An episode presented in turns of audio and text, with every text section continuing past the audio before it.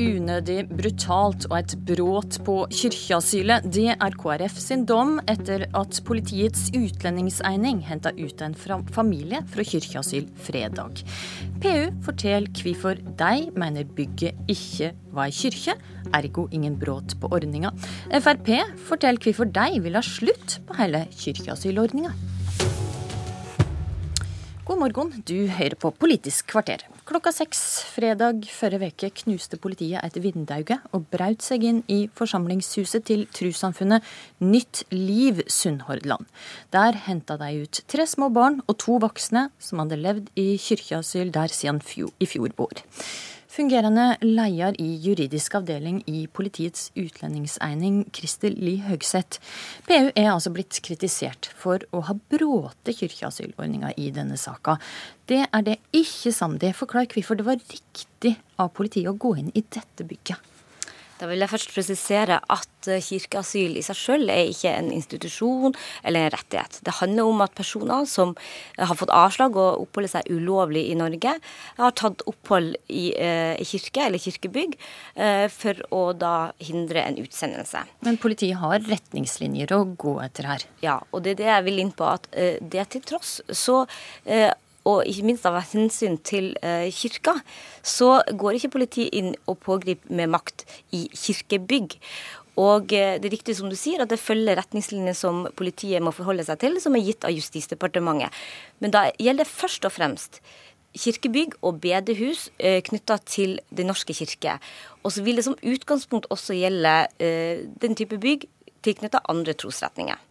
Ja, For dette var da ikke Den norske kirka, dette var en annen trosretning. Har de litt svakere vern i kirkeasylspørsmål enn det Den norske kirka har?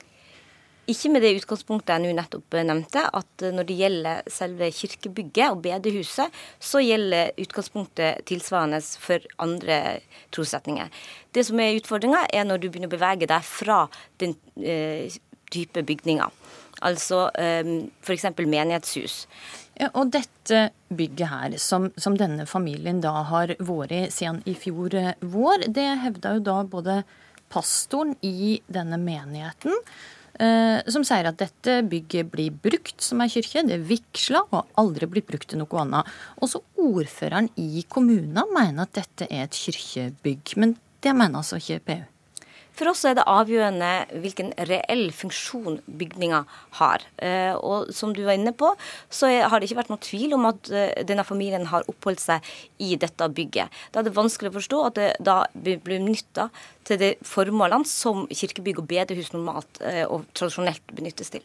Så siden den familien har brukt dette som et boligbygg, så tenker de ikke at det er et boligbygg?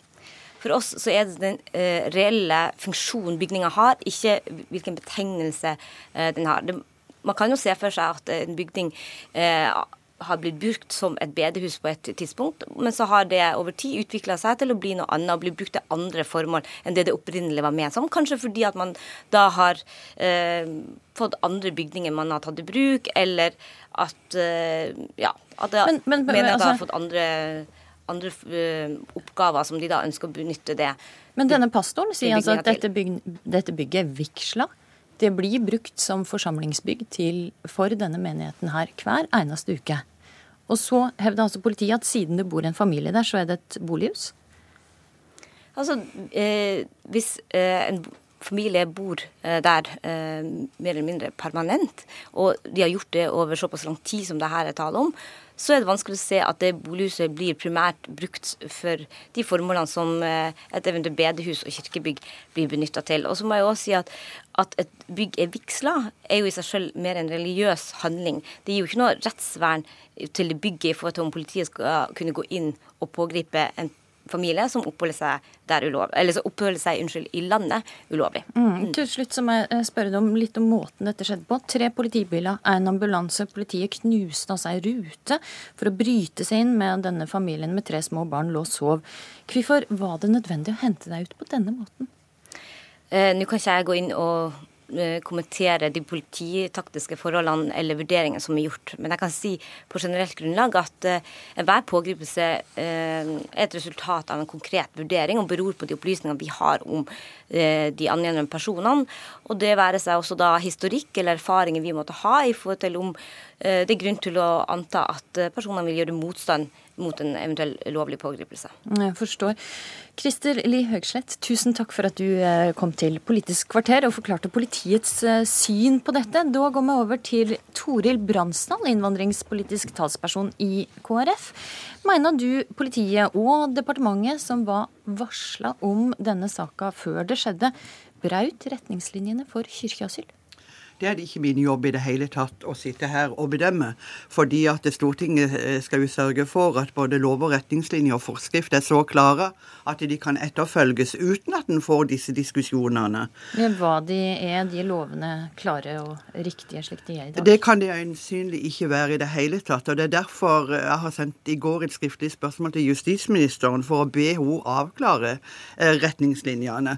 Det andre elementet i det spørsmålet er òg politiets framgangsmåte eh, i saker der det er barn, ja, som en gjerne vil ha en avklaring på. Du mener at dette var, dette var, ikke helt riktig av politiet å gjøre det på den måten som eh, vi har hørt om her? Nå er jeg helt avhengig av det som jeg har hørt i media, og det, det framstår som unødvendig brutalt da det er barn inne i bildet.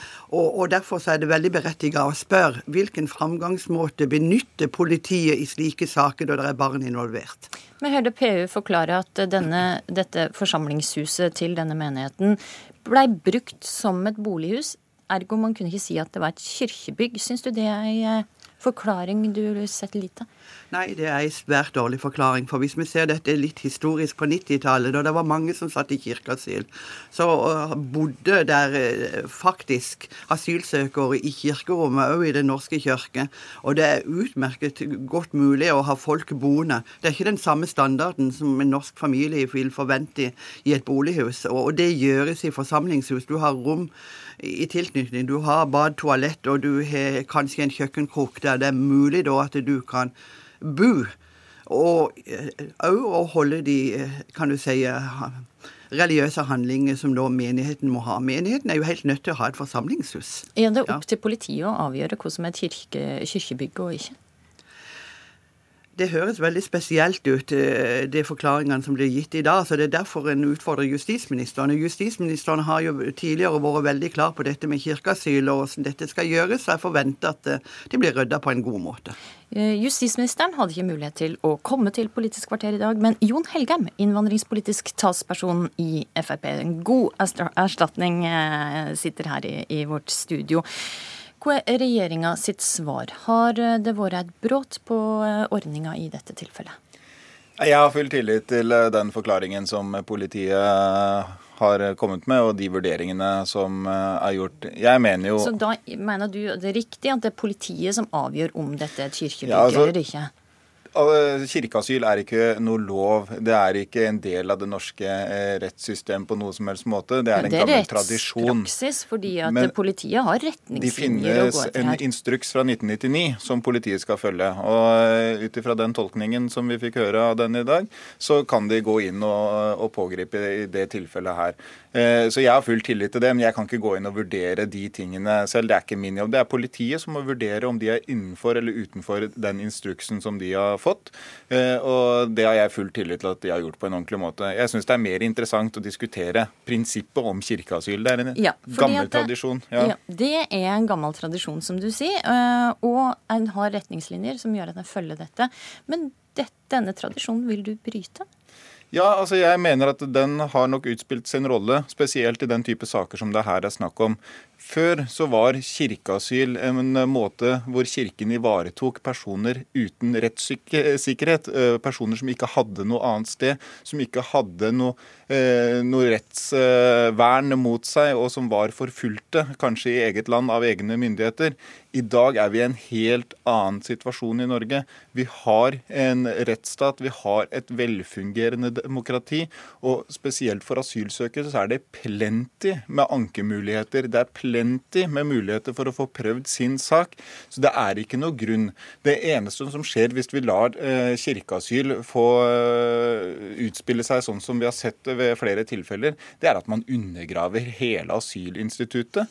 Hvor han ikke respekterer norske lover og regler og prøver å stikke av og unndra seg eh, helt lovlig fatta vedtak i Norge. Og det er ikke det kirkeasyl var ment for. Så jeg mener vi kjappest mulig bør avskaffe hele ordningen. Toril Bransdal, altså, er ikke dette en fallitterklæring for rettsstaten? At eh, man trenger denne ekstra sikkerhetsventilen som kirkeasyl ofte blir omtalt som?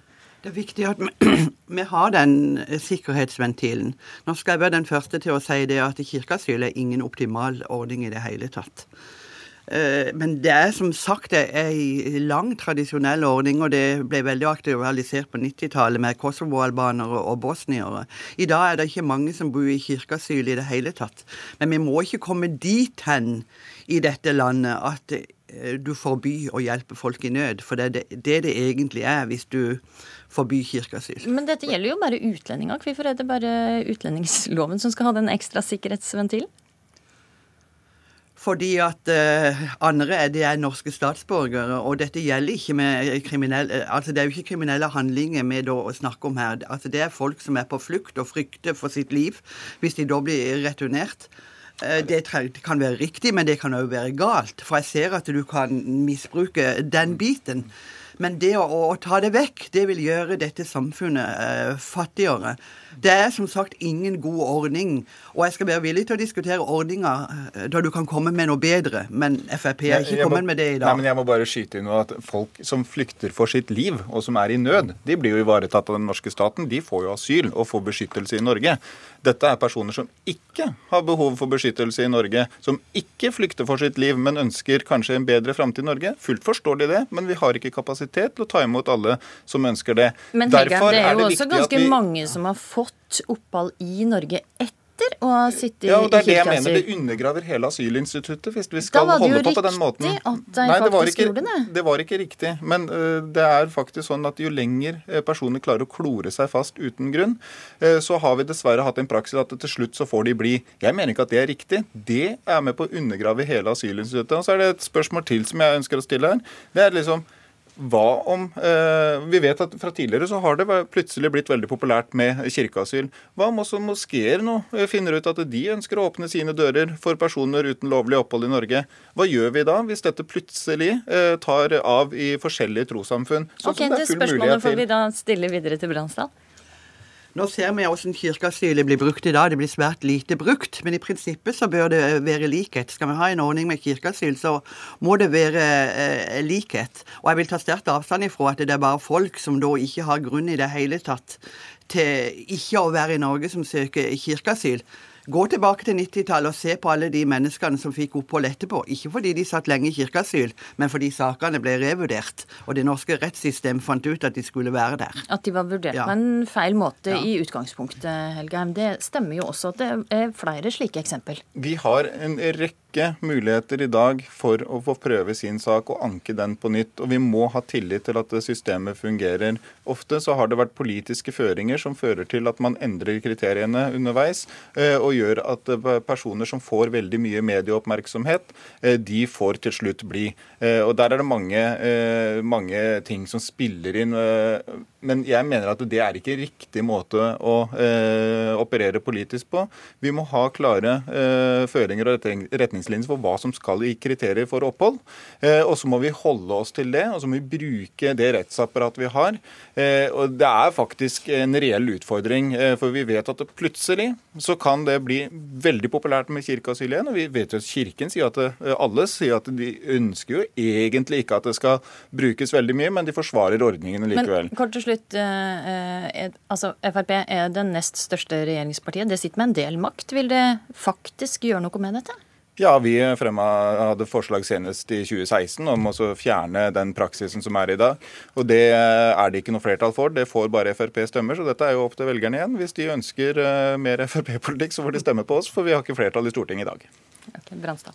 Ja, jeg håper jo aldri at vi kommer så langt i det norske samfunnet at vi lar være å hjelpe mennesker ned. Og jeg ser til nå i hvert fall at Frp står helt alene om dette. Mm, takk. Der må vi si takk for debatten, Tori Bransdal og Jon Helgheim. For uh, denne sendinga er slutt. Vil du laste ned vår sending som podkast uh, og få den rett til din mobil hver morgen, så søk på uh, Politisk kvarter. I studio denne morgenen var Astrid Randen.